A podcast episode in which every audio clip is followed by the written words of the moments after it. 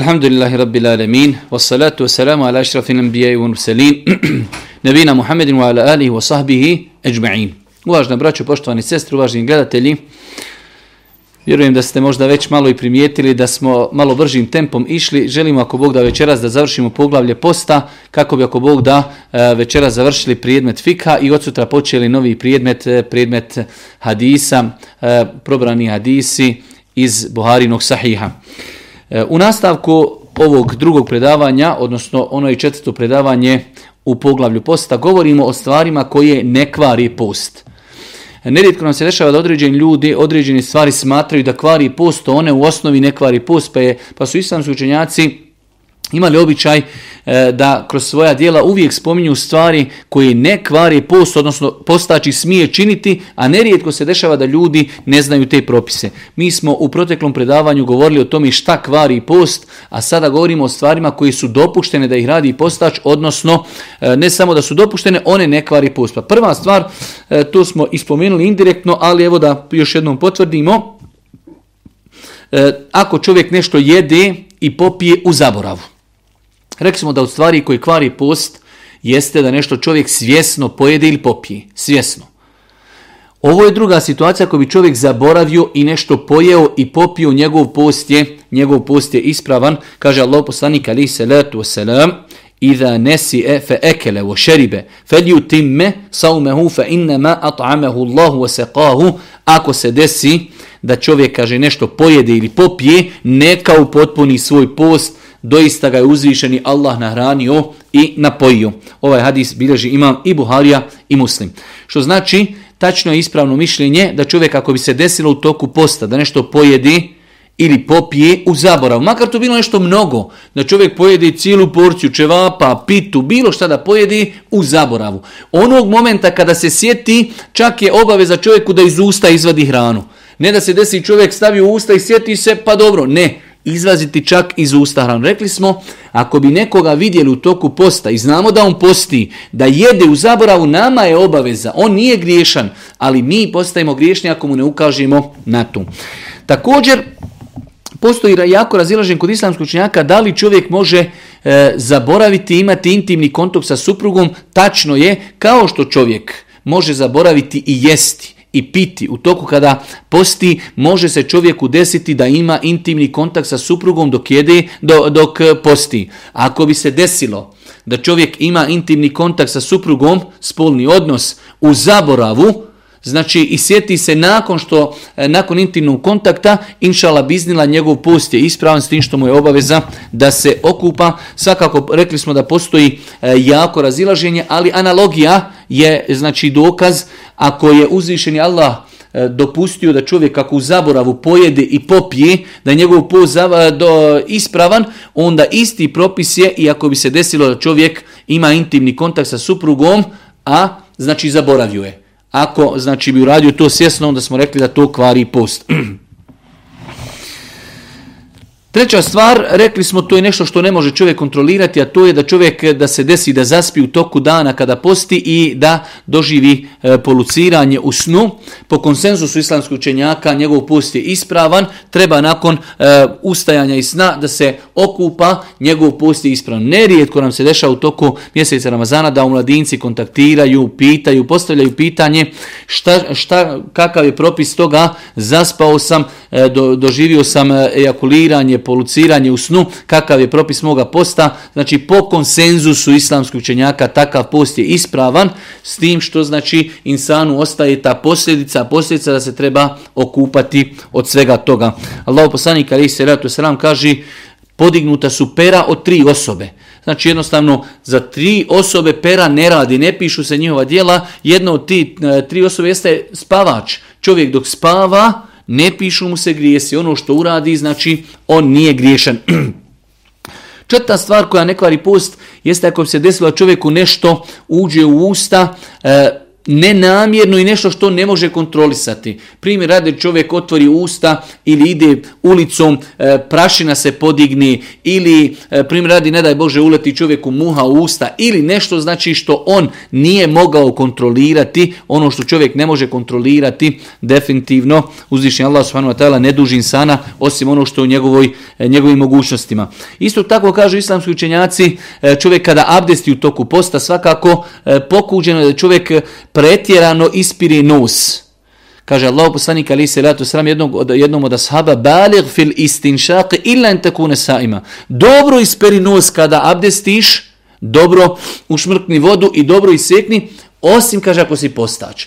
Čovjek kada posti, malo će isprati nos i malo će isprati usta. U svakom slučaju, znači eh, kada čovjek eh, ispere usta vodom, definitivno će se tragovi vode pomiješati sa pljuvačkom koju čovjek prirodno guta, tako da inšala bizna takve stvari ne kvari post. Sama znači gutane pljuvački, e, inšala bizna ne kvari post. E, e, ako bi se desilo da ostaci vodi nakon e, ispiranja usta se pomiješaju sa pljuvačkom, inšala bizna čovjek to ne utječe na ispravnost njegovog posta. Isto tako ako bi čovjek čačkao zube, pa povrijedio, pa povrijedio znači desni, pa jednostavno e, iz desni isteče malo krvi koju on u datom momentu možda može ispljunuti, ali ne zna dokad to ističe i ne može to kontrolirati, inšala bizna i zato u stvar su islamski kazali da ne kvari post. Isto tako e, čovjeku E, je dozvoljeno u toku posta da dotakne svoju suprugu, da se sa njom e, naslađuje intimno e, i dozvoljeno mu je da poljubi svoju ženu. Ono što je zabranjeno jeste, jeste zabranjen spolni kontakt. Ali znači da se čovjek naslađuje sa svojom suprugom, da je dodiruje, da je poljubi, dozvoljeno je. Osim u slučaju ako se radi o čovjeku koji zna da bi istoga mogao proizići ili spolni kontakt ili ne daj Bože da bi mogao e, doći do izbacivanja sjemena kada će pokvati svoj post. Pogotovo u slučajevima kada čovjek, hajde da kažemo, friško je se oženio i tako dalje, kada je bolje da čovjek izbjegava bilo koji intimni kontakt sa svojom suprugom, bilo koji naslađivanje. Znači ono što je zabranjeno, e, podlačimo, e, intimni kontakt, spolni kontakt sa ženom kvari post. Dodirivanje suprugi, naslađivanje sa njenim tijelom, poljubac, Ispravno je da to ne kvari post i čak nije ni zabranjeno jer je preneseno u vjerodostojnim hadisima da je Allah poslanik znao postiti i znao je poljubiti neko od svojih supruga. Ali ovdje e, čisto iz predostrožnosti kažu islamski učenjaci ako insan zna da bi to moglo uzrokovati ne daj Bože da padne u zabranu činjenja e, spolnog kontakta ili ako bi se moglo desiti da znači dođe do ejakuliranja sjemena tada svakako treba da to ostavi. Isto tako dozvoljeno je čovjek u toku posta da koristi misvak. Tokom cijelog dana postoji e, stav islamskog činjaka da nakon e, podne namaza čovjek više ne treba koristiti e, misvak, ali je tačno da su hadisi koji govore o korištenju misvaka općenitog karaktera obuhvataju period kad čovjek posti i kad ne posti, obuhvataju period kada čovjek posti prije podne i poslije podni. Analogno tome je dozvoljeno čovjeku da koristi u današnje vrijeme četkicu za zube i e, kaladont ili pastu za zube. Znači prilikom pranja zuba svakako da se potrudi maksimalno da ništa od vodi i od e, pasti ne proguta. Znači dozvoljeno čovjeku u toku posta da e, koristi misvak, tokom cijelog dana zbog hadisa, općeniti hadisa koji postiču čovjeka na korištenje svaka. S druge strane, dozvoljeno čovjeku u toku posta da koristi četkicu za zube i pastu za zube, s tim što će se maksimalno potruti da ništa od toga ne proguta. Isto tako, e, poslije ćemo o tome malo detaljnije govoriti, dozvoljeno čovjeku da koristi kapi za oči i kapi za uši dok posti. Poslije ćemo govoriti o određenim drugim savremenim pitanjima, ali ono što je znači dozvoljeno inšala bizna bez ikakve smetnje jeste da čovjek koristi kapi za oči zato što oči nisu povezane znači sa grlom i nemoguće da ta, te kapi dođu do čovjekovog e, organizma e, i tak, ista je stvar i sa ušima. Tako da je dozvoljeno čovjeku da koristi kapi za oči i kapi za uši. Dozvoljeno je postaču da u toku dana E, proba hranu samo da osjeti da li je slana ili ne bez gutanja. Znači čovjek, žena koja kuha, uzmi samo e, da li je u pitanju čorba, da li je u pitanju nešto, samo znači da stavi na jezik, u usta i nakon toga da to ispljune. Znači kušanje hrani, ali ne gutanje, samo da se osjeti da li je slano ili ne, a to je dovoljno znači na način da će čovjek samo staviti hranu u usta i nakon toga to ispljunuti. Vidjet ćemo poslije kada budemo govorili, islamski učenjaci kažu tablete koje se stavljaju pod jezik ne kvari post, zato što one nisu ušle čovjeku u organizam, znači e, u stomak, niti su prošle kroz grlo, e, tableta koja se stavi pod jezik, inšala bizna, ne kvari post. Pa je isti propis, zato što usta u islamu uzimaju propis vanštine čovjekovog tijela. Tako dok postimo imamo pravo i zaprati usta. E, možemo staviti tabletu pod jezik i isto tako je i ovo pitanje da insan stavi hranu u usta samo kako bi je probao, da zna da li je slana ili nije, da li je slatka ili nije, a nakon toga taj dio hrane da ponovo, da ponovo izbaci iz usta. Rekli smo da je ispravno i tačno mišljenje da hijjama ne kvari post, tako da je dozvoljeno postaču da e, uradi hijjamu, ali smo rekli da je prioritetniji i bolji iz dva razloga. Zato što postoji učenjaka koji su kazali da ih džama kvari post, bolje odgoditi džamu nakon iftara. I s druge strane, e, znači kako ne bi to bio razlogom da čovjek oslavi pa da bude primoran da popije nešto ili pojede nešto kako bi se okrijepio i osježio. Dozvoljno je postaču, rekli smo, i ženi i muškarcu da e, nastupi post, a oni nisu se okupali od džunupluka ili eventualno žena se nije okupala od hajza i nifasa. Pa smo rekli ako bi žena vidjela tragove da je očistila se od hajza e, prije nego što nastupi zora, ona ima pravo taj dan ako će pozdan zanijeti nijeti post da se okupa nakon nastupanja zori, a isto tako ako je čovjek sa svojom suprugom imao intimni kontakt u toku večeri, nakon toga znači nije se okupao, e, mogu ustati na sehur i nakon što nastupi zora mogu se okupati. Nakon što smo vidjeli šta, je, šta su islamski učenjaci spomenuli, šta je dozvoljeno da čini postać i šta sve ne kvari post, e, treba spomenuti Ko su to kategorije ljudi kojima je dozvoljeno da ne posti? Mi smo spomenuli ko su kategorije ljudi kojima je obaveza da posti. Rekli smo da je to musliman, da je to punoljetan insan, da je to razuman insan, da je to zdrav insan koji nema nikakvih prepreka, nije bolestan i nije na putu. I rekli smo kad su u pitanju žene da treba da su čiste od hajza i Ako se ovi uvjeti ispune pri osobi, njoj je obaveza da posti. Ako je čovjek musliman, ako je punoljetan, ako je razuman, ako zdravstveno može izdržati, znači nije bolestan, nije na putu i žena ako je u pitanju, ako je čista od hajza i nifasa, takvim osobama generalno svakoj pojedinačnoj osobi je obaveza da posti. E sada imamo u islamu nekoliko kategorija ljudi koji su, hajde da kažemo, toleriše im se da li da posti ili da li ne posti, imaju pravo da posti ili da ne posti. Prva od tih kategorija jeste bolesnik generalno gledajući, generalno gledajući, uzvišnji Allah subhanahu wa ta'ala iz svoga rahmeta i milosti. Rekli smo mi da naša vjera e, generalno odgovara ljudskoj prirodi. Uzvišeni Allah je daleko od toga da ljudima naredi nešto što će im štetiti. Nelogično bi bilo, nelogično bi bilo čovjek bolestan u bolnici, liječi se operaciju i kažemo Ramazan je moraš postiti. Pa je vjera Islam nešto što odgovara ljudskoj prirodi nešto što odgovara insanu u svakom pogledu. Svakako kada čovjek zdrav posti, on će osjetiti određenu poteškoću, ali daleko je to od poteškoće kada bi rekli čovjeku da mora posti, makar bio i bolestan. Pa je znači prva kategorija ljudi kojima je dozvoljeno da ne poste generalno gledajući, govorit ćemo o podjelama bolesnika posti, jesu bolesnici. Kaže uzvišen Allah subhanahu wa ta'ala فَمَنْ ala seferin مِنْ uhar Ko od vas bude bolestan ili bude na putu, pa te dane ne posti, neka toliko dana naposti. Islamski učenjaci Ibnu Kudame i drugi navode konsenzus islamskog učenjaka da je bolest jedan od razloga, jedan od razloga koji čovjeku daju pravo da ne posti.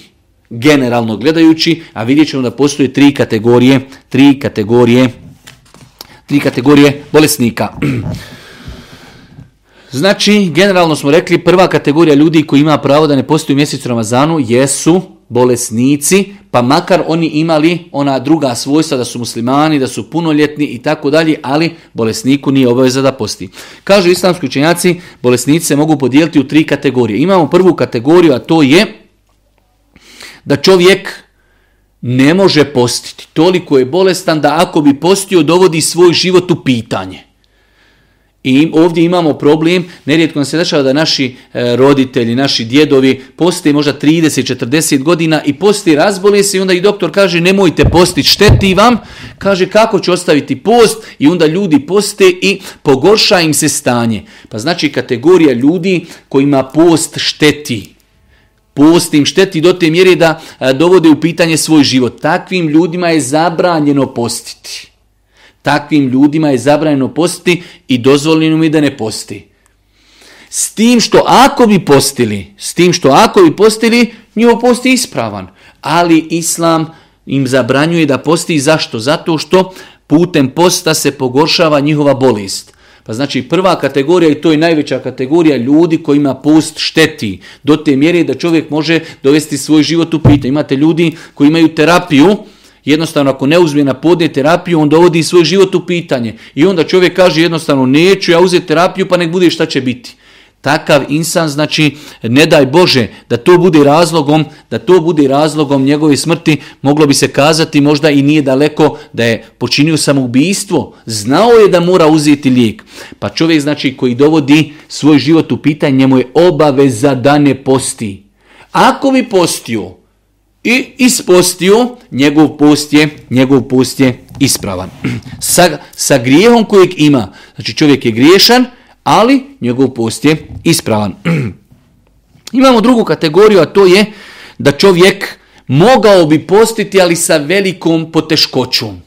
Ali ako ne, poš, ne posti, Mnogo mu to olakšava. To je, e, ajde kažemo, osnovna kategorija bolesnika. Čovjek je bolesnik, jednostavno kada bi postio možda bi mogao izdržati, možda ne bi doveo u svoj život u pitanje, ali bi mu to predstavljalo veliku poteškoću.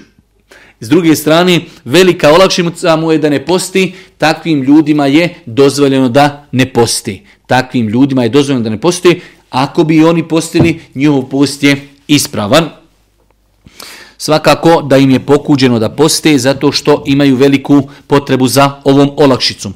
Imamo treću situaciju, to je neka situacija najniža, da čovjek bukvalno ono jezički, za njega kažemo bolesnike, ali jednostavno lako može postiti. Primjer, radi čovjeka boli zub, ili čovjek ima posjekotinu na ruci, ili slomio je nešto i tako dalje, ali jednostavno to nema nikakve veze sa postom, ali ipak je čovjek u jednu ruku bolesnik, takvoj osobi je obaveza da posti takvoj osobi je obaveza da posti. Pa znači imamo tri kategorije postača. Imamo postače kojima bi post štetio do te mjeri da ne daj Bože dovodi svoj život u pitanje, takvim osobama je zabrajno postiti, obavezno je da ne posti, a ako je posti njihov post je ispravan.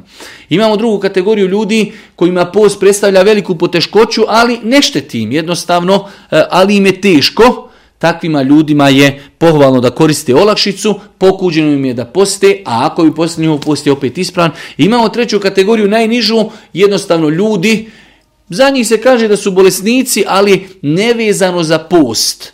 Tako za takvim ljudima je, takvim ljudima je obaveza da posti.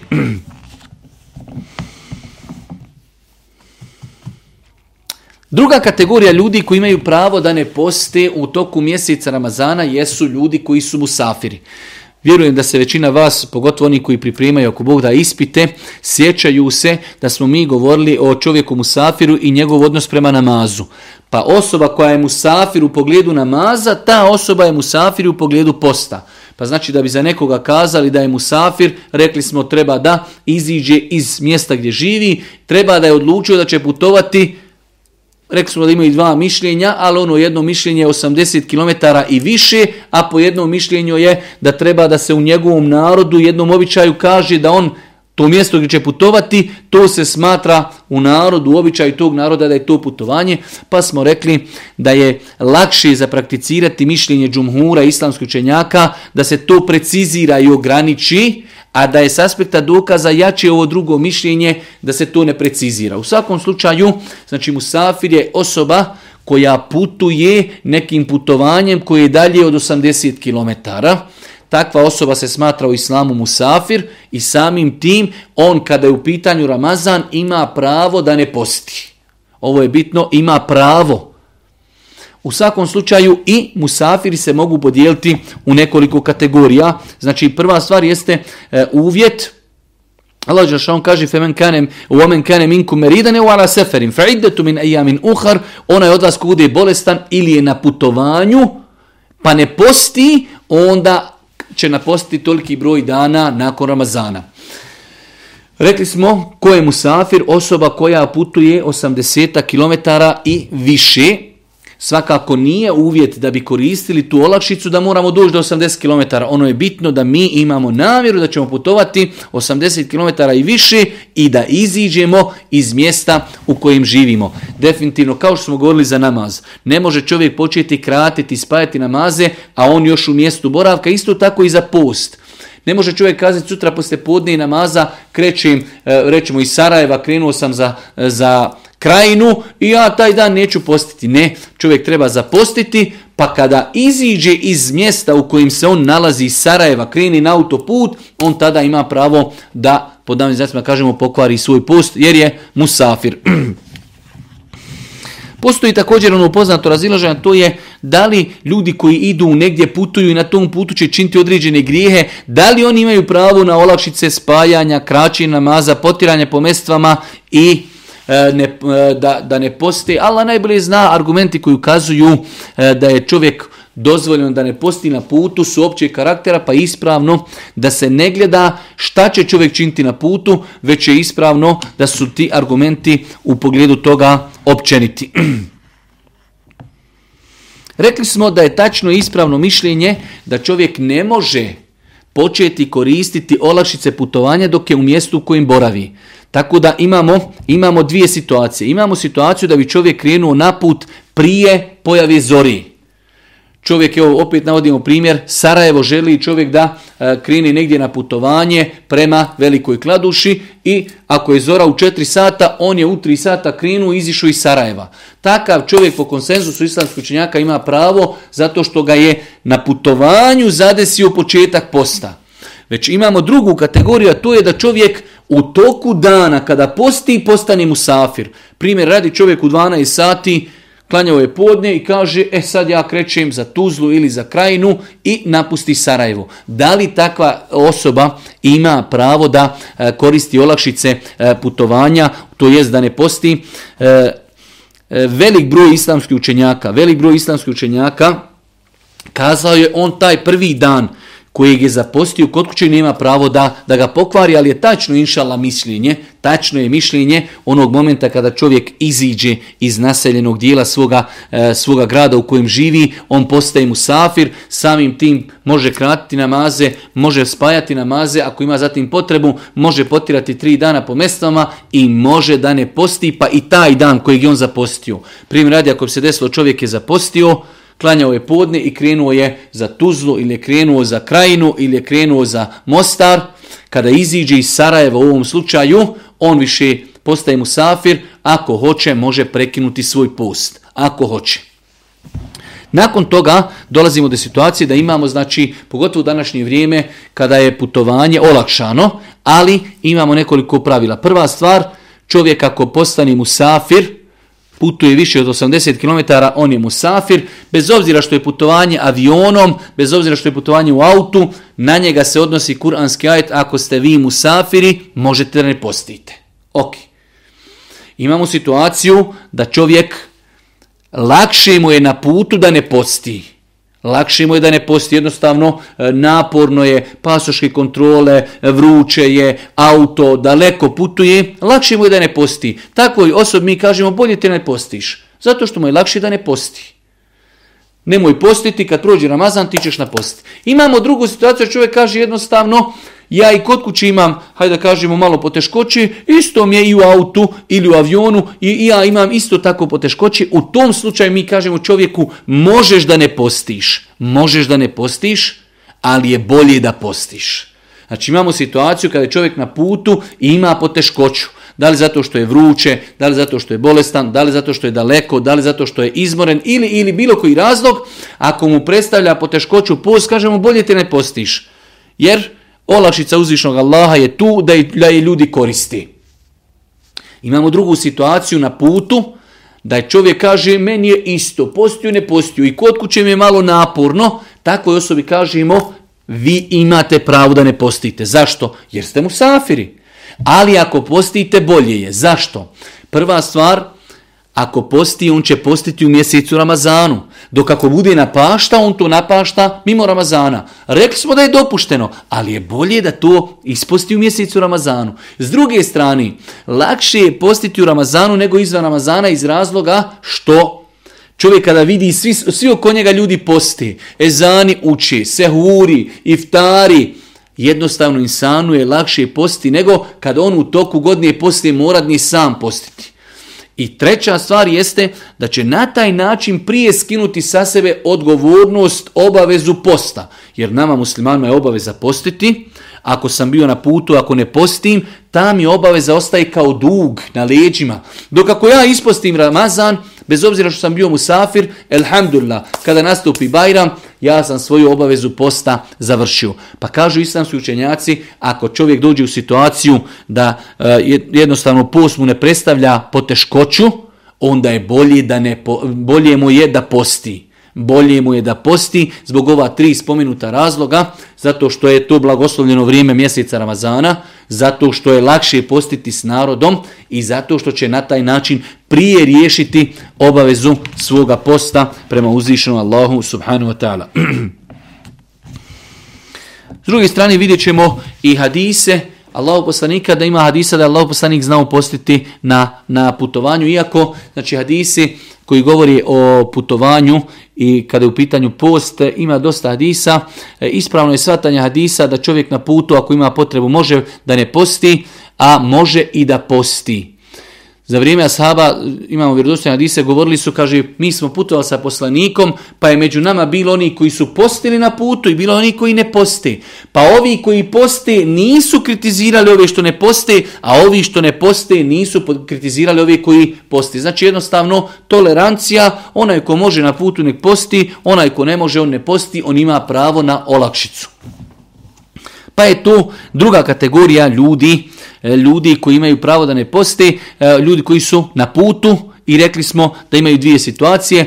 Povratkom čovjeka u njegovo mjesto prestaju njegove olakšice, on postaje, znači ponovo kada dođe u svoje mjesto, on je se vratio, treba da posti. Imamo sada jednu situaciju u pogledu koje islamski učenjaci imaju različite stavove, a to je primjer radi čovjek je bio na putu i vratio je se kući na podni namaz. Dok je bio na putu i zajtra, dok je bio na putu, jeo je, ne posti. Došao je kući na podni. Da li od podnije do akšama on će taj dan obavezno napostiti? Ali da li je obaveza da se e, suzdrža i znači da posti od podnije do akšama? Pa je bio velik broj koji su kazali čovjek kada dođe s puta i u toku puta nije postio. Pokvario je, znači zajtra je nešto doručkao, jeo je u autu i došao je kući na podni. Velik broj učenjaka kaže on do akšama ne smije ništa više jesti niti piti. Ali je ispravno mišljenje koje preferira velik broj islamskih učenjaka da čovjek ako iz opravdanog razloga nije postio i došao je kući, on više nema nikakve koristi od toga da se suzdržaje toga. Ne bi da vas sad time malo zagolicam, ali može se desiti da vam neko postavi pitanje i kaže kako da čovjek i supruga u toku Ramazana su imali intimni kontakt E, znači e, intimni odnos i nisu pokvarili post i nije im obaveza da to napaštaju. Situacija je ova. Čovjek je bio na putu i vratio se kući na podni namaz. Žena je bila u mjesečnici na podni namazu, je vidjela znake čistoće i ona se okupala. Oni nakon podni namaza, on je došao s puta, ne posti, ona je završila sa mjesečnicom, ne posti iz opravdanog razloga, oni iz opravdanog razloga, oni nakon podne imaju pravo da imaju intimni kontakt, iako velik broj je kazao žena ako je se okupala na podne, ona mora nastaviti do kraja dana postiti, a nakon Ramazana će taj dan napostiti. Ali e, u jednu ruku to je malo i kontradiktorno, moramo ostatak dana postiti, a opet taj dio dana na posti, zato Allah najbolje zna tačno je mišljenje, ako čovjek iz opravdanog razloga dio dana ne posti, ostali dio dana nema potrebe da se suzdržava. Nadam se da smo ovo razumili i da nismo pogrešno shvatili, da se ne desi Pezić je rekao u toku Ramazana smijemo spavati sa ženama, pa ćete onda 60 dana uzastopno postiti. E, treća kategorija osoba koji imaju pravo da ne poste jesu žene koje su trudne i žene koje su dojilje. Prvo pravilo jeste da žene u osnovi koje su trudne i dojilje u one u osnovi potpadaju pod obavezu posta. Od, osnova je, potpadaju pod obavezu posta. Ali ako bi žena trudnica rekla ja zaista e, osjećam slabost ili medi, doktori mi kažu da nije dobro da postim, dijete mi se ne razvija ili žena koja doji dijete kaže e, e pom, e, pomanjkava mi mlijeko i, ili nesvjestica ili ili onda kažemo vi potpadate pod kategoriju da možete da ne postite. Ali generalno je pravilo žena trudnica i žena koja doji dijete treba da pokuša posti. Ako se ispostavi da ima neki nus pojava, onda kažemo imate pravo da ne postite. Pa je treća kategorija osoba koji imaju pravo da ne postije jesu žene koje su doilje i žene koje su trudne. Postavlja se pitanje e, šta nakon Ramazana, u svakom slučaju postoji jako razilažen kod islamskog učenjaka žene koje su trudnice i žene koje su doilje, ako su e, prekinule post bojeći se za svoje dijete, ne za sebe, Postoji razilaženje šta da radi, u svakom slučaju Allah Đelšan najbolje zna. Opći argumenti nam ukazuju da žena e, dojilja i žena trudnica ako nisu dane postile, njima ostaje samo da to nakon Ramazana naposti. Iako, znači nemojte se iznenati, postoji jako razilaženje kod islamskih učenjaka u pogledu tog pitanja. Znači treća kategorija, prva kategorija su bili znači musafiri, druga, odnosno bolesnici, druga kategorija musafiri, putnici, treća kategorija žene koje su e, trudnice i doilje. Četvrta kategorija jesu e, stare iznemogle osobe. Stare iznemogle osobe, e, veoma je bitno znači da islam u svom savršenstvu i potpunosti ne obavezuje insana koji ostaju ne može postiti. Nemoguće je da islam dođe i kaže moraš postiti. Pa osoba koja je ostarila ne može da posti, iznemogla je, nije obavezna da posti, već za svaki dan kojeg nije postila nahraniti po jednog siromaha nakon Ramazana. Isti propis uzimaju i osobe koje su bolesne oboljenjima, hroničnim oboljenjima od kojih nema izlječenja. Po mišljenju povjerljivih doktora, doktor dođe i kaže ova bolest je neizlječiva. Nemoguće, znači čovjek se izlječi od ove bolesti Takav insan uzima propis osobe koja je stara i iznemogla. Jer stara i iznemogla osoba, Allah najbolje zna, nikad se više neće vratiti da bude e, mlada pa da posti. Pa su islamski učenjaci kazali stara i iznemogla osoba e, nije obavezna da posti, ako može nek posti, ako ne može, za svaki propušteni dan će nahraniti po jednog siromaha. Isti propis uzimaju i osobe koje, koje e, znači boluju oboljenjima koja su neizlječiva. Poslije ćemo inšala o tome govoriti, ali možda nije loše sad da spomirimo. E, velik broj naših sestara nakon što u Ramazanu ne posti, zato što su bile doilje ili trudnice, nakon Ramazana dođu i kažu mi ćemo nahraniti siroma, ima neko nahranjivanje siromaha, ne moramo postiti i tako dalje. Zapamtite jedno veliko pravilo. U islamu samo dvije kategorije nakon Ramazana mogu da se iskupe za dane koji nisu postile osobe ovi stari iznemogli zato što neće se one nikada vratiti u mladost i osobe koji su bolesne oboljenjem koje je trajno. Žena trudnica će roditi i nakon Ramazana može napostiti. Žena dojilja će dojiti i doće vrijeme kada će prestati sa dojenjem djeteta, pa će napostiti zato što je zdrava. Tako da žene ako su e, nisu postile zato što su trudnice ili zato što su zato što su e, dojile, e, dojile djecu, nemaju pravo nakon Ramazana da se iskupljuju nahranjivanjem siromaha. Već moraju to napostiti, moraju to napostiti.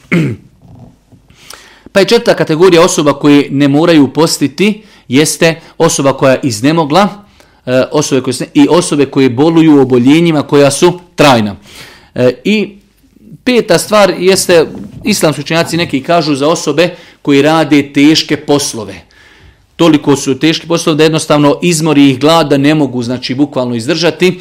Kažu islamski učenjaci u takvim situacijama osoba će zapostiti, osoba će zapostiti onda u toku dana kada osjeti veliku glad će post i jesti onoliko koliko mu je dovoljno da izdrži taj dan. Svakako toliki broj dana će i napostiti. Znači kada je u pitanju e, ljudi koji imaju teške poslove, neće oni ustati normalno na doručak i kaj, inako danas ne postim, idem na doručak, ne. Svaki dan treba da zaposti, možda Allah Đelšanu u nekim danima mu dadne posebnu snagu, možda padne kiša, možda ga malo razgali, možda taj dan ne budu radili, možda se nešto desi na gradilištu pa ne budu radili teške poslove i tako dalje. Svaki dan trebaju zapostiti i onda kada dođe vrijeme da ne mogu više da izdrži, znači da je teško izdržati, tada će prekinuti post, pojesti hrane i popiti vode onoliko koliko im je dovoljno da izdrže do kraja dana. To je pet kategorija koji su islamski spomenuli u ovom pitanju. E, za kraj, ako Bog da, e, samo nekoliko pitanja savremenog karaktera i na kraju nekoliko pitanja vezanih za napaštanje. Prva stvar, nisu ni po kakvom rijedu spomenuta ova pitanja, e, već onako kako sam ja danas pripremao i iznalazio u knjigama. E, postavlja se pitanje e, u toku dana kada čovjek posti prijegled gastroskopija i kolonoskopija. Gastroskopija za one koji znači ne znaju, vjerujem da svi znate, jeste gutanje kamere na usta, dok kada je u pitanju kolonoskopija, to je pregled na analni otvor, znači ubacivanje kamere u ljudsko tijelo. Kada je u pitanju gastroskopija, nemoguće je kameru ubaciti u ljudski organizam, osim da na njenom vrhu ima određenih, e, ajde da kažemo, smjesa i masti koji će ući u ljudski organizam i zbog toga kažu islamski učenjaci da gastroskopija kvari post. Za razliku od kolonoskopije, znači e, e, koja pregled se vrši kroz analni otvor, inšala to ne kvari post. Rekli smo E, za tablete koji se stavljaju pod jezik da je tačno da islamski učenjaci kažu pošto to nije ušlo u ljudski organizam putem grla niti putem nosa nije došlo e, u sistem za probavljanje da to uz Allahu pomoć ne kvari post jer smo rekli da usta u islamu unutrašnjost usta uzima propis vanjštini ljudskog tijela. Kad su u pitanju inekcije, inekcije se mogu dobivati e, u meso i takve inekcije, inšala bizna, ne kvari post, inekcije koje se dobivaju e, koji se dobivaju pod kožu i takve inekcije nekvari kvari post. Ostaje treća kategorija inekcija, to su inekcije koje se daju u venu direktno. E, te, kategorije, te inekcije možemo podijeliti u dvije kategorije. Inekcije koje su hranljive, znači odnosno e, njihova svrha je da nadomjeste čovjeku hranu ili piće kao što su infuzije, i imamo kategoriju koji nisu e, tog karaktera, pa ako su inekcije ili infuzije hranljivog e, sastojka, one kvari post, ako nisu, one ne kvari post. Rekli smo primanje krvi, pogotovo u slučajima kada se znači e, daje e, bolesniku plazma i na taj način čovjek ojačava, sam učenjaci kazali su da u tom slučaju čovjek kvari mu se pust. Isto tako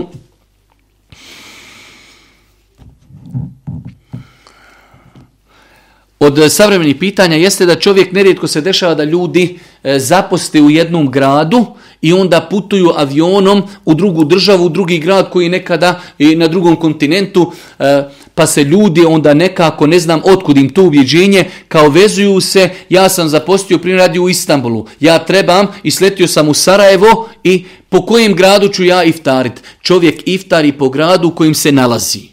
Kada bi otišao u Ameriku, on će iftariti kada Amerikanci iftari. Ako je čovjek u Istanbulu zapostio sa njima u 3 sata i zajutra, on će se e, iftariti, on će iftariti u Bosni undi gdje sleti. Znači pravilo je propis. Nema veze nikakve gdje je čovjek zapostio, on će se iftariti u gradu u kojem živi trenutno kada nastupi akšam.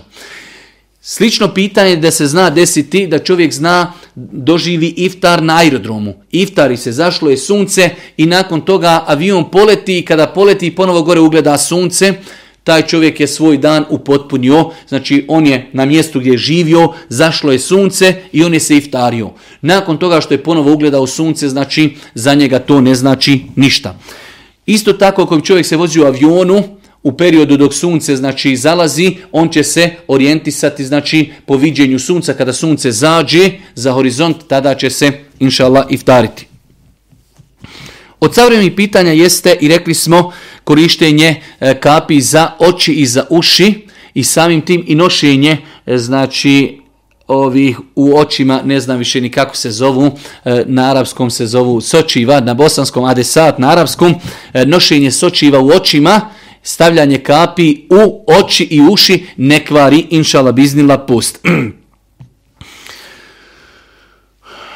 Kad su u pitanju kapi za nos, Boži poslanik rekao na Kaže, isperi usta i nos, ali nemoj pretjerivati u toku posta. Pa kažu islamski učenjaci, ako bi se radilo samo o ukapavanju jedne kapi u jednu nozdrvu i druge kapi u jednu nozdrvu, inšal bi zna, to ne kvari post. Dok ako bi bilo više ukapavanje i to prošlo, znači u ljudski organizam, to može uzrokovati e, neispravnost posta, tako da čovjek treba e, biti pažljiv kad su u pitanju korištenje kapi za nos. Rekli smo oči i uši u pogledu toga inšala nije problem. Korištenje kapi za nos čovjek treba biti pažljiv ili da koristi samo po jednu kap i to će znači prolazeći kroz organizam neće doći e, do grla niti će doći do, do stomaka. E, dok ako bi ukapavanje bilo više, onda to može uzrokovati neispravnost posta. Isto tako,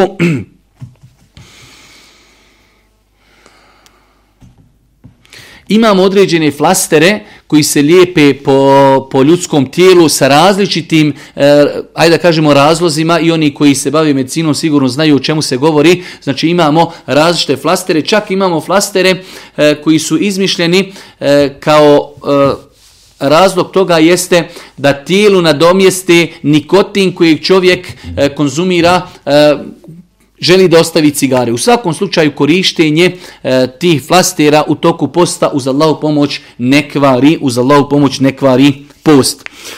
Kada je u pitanju e, dijaliza bubrega, ako se prilikom dijalize bubrega e, znači koriste određena, određene tvari koji se stavljaju u krv da bi ojačale ljudski organizam, Allah najbolje zna, kažu islamski učenjaci, da to kvari post. Znači dijaliza bubrega, ako se prilikom dijalize, a ono što sam ja iščitavao, iako nisam kompetentan da o tome govorim, ali sam iščitavao mnogo o tome, kažu da se prilikom dijalize koriste određene stvari koje ajde da kažemo, jačaju ljudski organizam, samim tim gubi se svrha posta, tako da velik broj islamskih učenjaka, kaže dijaliza bubrega e, uzrokuje kvarenje posta. Isto tako, kad su u pitanju e, čepići koji se koriste e, znači e, putem analnog otvora uz Allahu pomoć e, ne kvari post. Ne post osim ako bi se zaista desilo da određene table, određeni čepići se koriste baš kao nadomještavanje hrane za ljudski organizam, ali ono koliko mi je poznato u većini slučajeva stvari koje se koriste znači e, putem analnog otvora ne koriste se kako bi se jačao organizam, u većini slučajeva to vezano za temperaturu i nešto slično tomi. Isto tako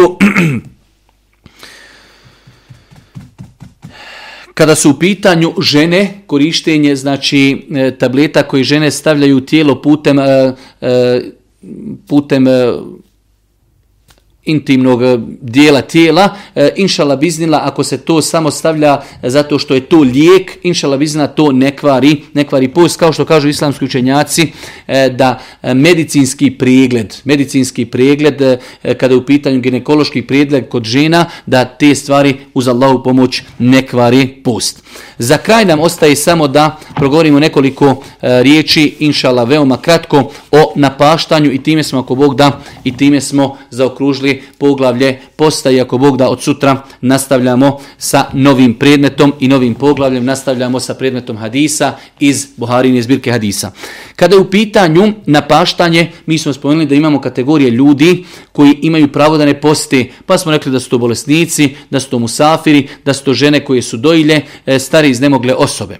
Generalno rekli smo da postoji dvije kategorije ljudi koji nisu postili. Imamo kategoriju ljudi koji su stari, iznemogli i ljudi čija su, čije su oboljenja trajna, neće nikada po mišljenju e, kompetentnih liječnika, oni se neće izliječiti. Za takve osobe je propisano da se nakon Ramazana iskupi tako što će nahraniti za svaki dan po jednog siromaha.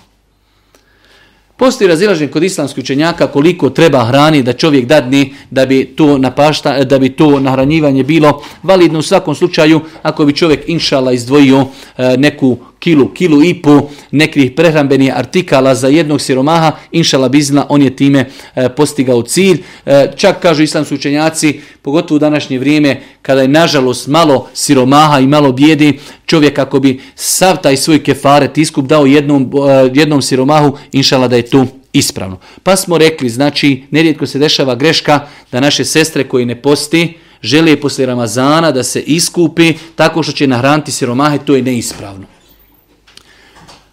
iskupljivanje od nepo, dana koji su nisu postili mogu samo učiniti dvije kategorije, stari iznemogle osobe i bolesnici čija bolest je trajna. Svi ostali treba da naposti za svaki dan koji nisu postili po jedan dan. Nekoliko propisa vezanih za ovo poglavlje. Prva stvar, da li je odmah obaveza napostiti ili ne. Ispravno, inšala biznila, da tokom cijele godine do sljedećeg Ramazana čovjek ima pred sobom godinu dana da to naposti. Svakako e, vjernik bi trebao da se potrudi da što prije to završi, ali mu nije obaveza, tako da kada završi Ramazan, do sljedećeg Ramazana muslimanu je obaveza da naposti dane koje nije postio, da li što je bio musafir, da li što je bio bolestan i tako dalje. Nerijetko nam se dešava da naše sestre, primjere radi, nekada je žena trudna, pa doji dijete, pa dok završi za dojem, opet je trudna, pa opet i tako dalje. U svakom slučaju žene će voditi evidenciju koliko dana nisu postile, makar se to odužilo 4-5 godina i nakon toga će to, ako Bog da, rasporediti na neko racionalno vrijeme i napostiti, napostiti dane koji nisu postile.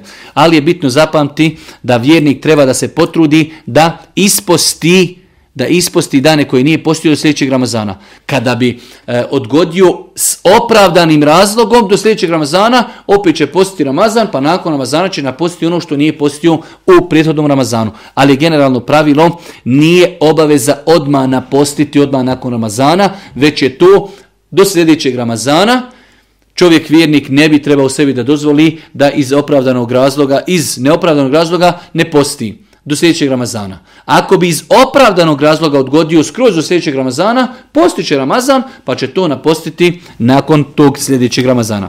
Drugo pitanje interesantno jeste da li dani napaštanja moraju biti jedan za drugim? Ne moraju. Znači čovjek ili žena koja nije postila sedam dana, može svaki da posti po jedan dan. Svaki mjesec po jedan dan. U svakom slučaju, znači, e, nije obaveza kada se dani napaštaju. Možda čovjek tri, četiri dana uzastopno nije postio.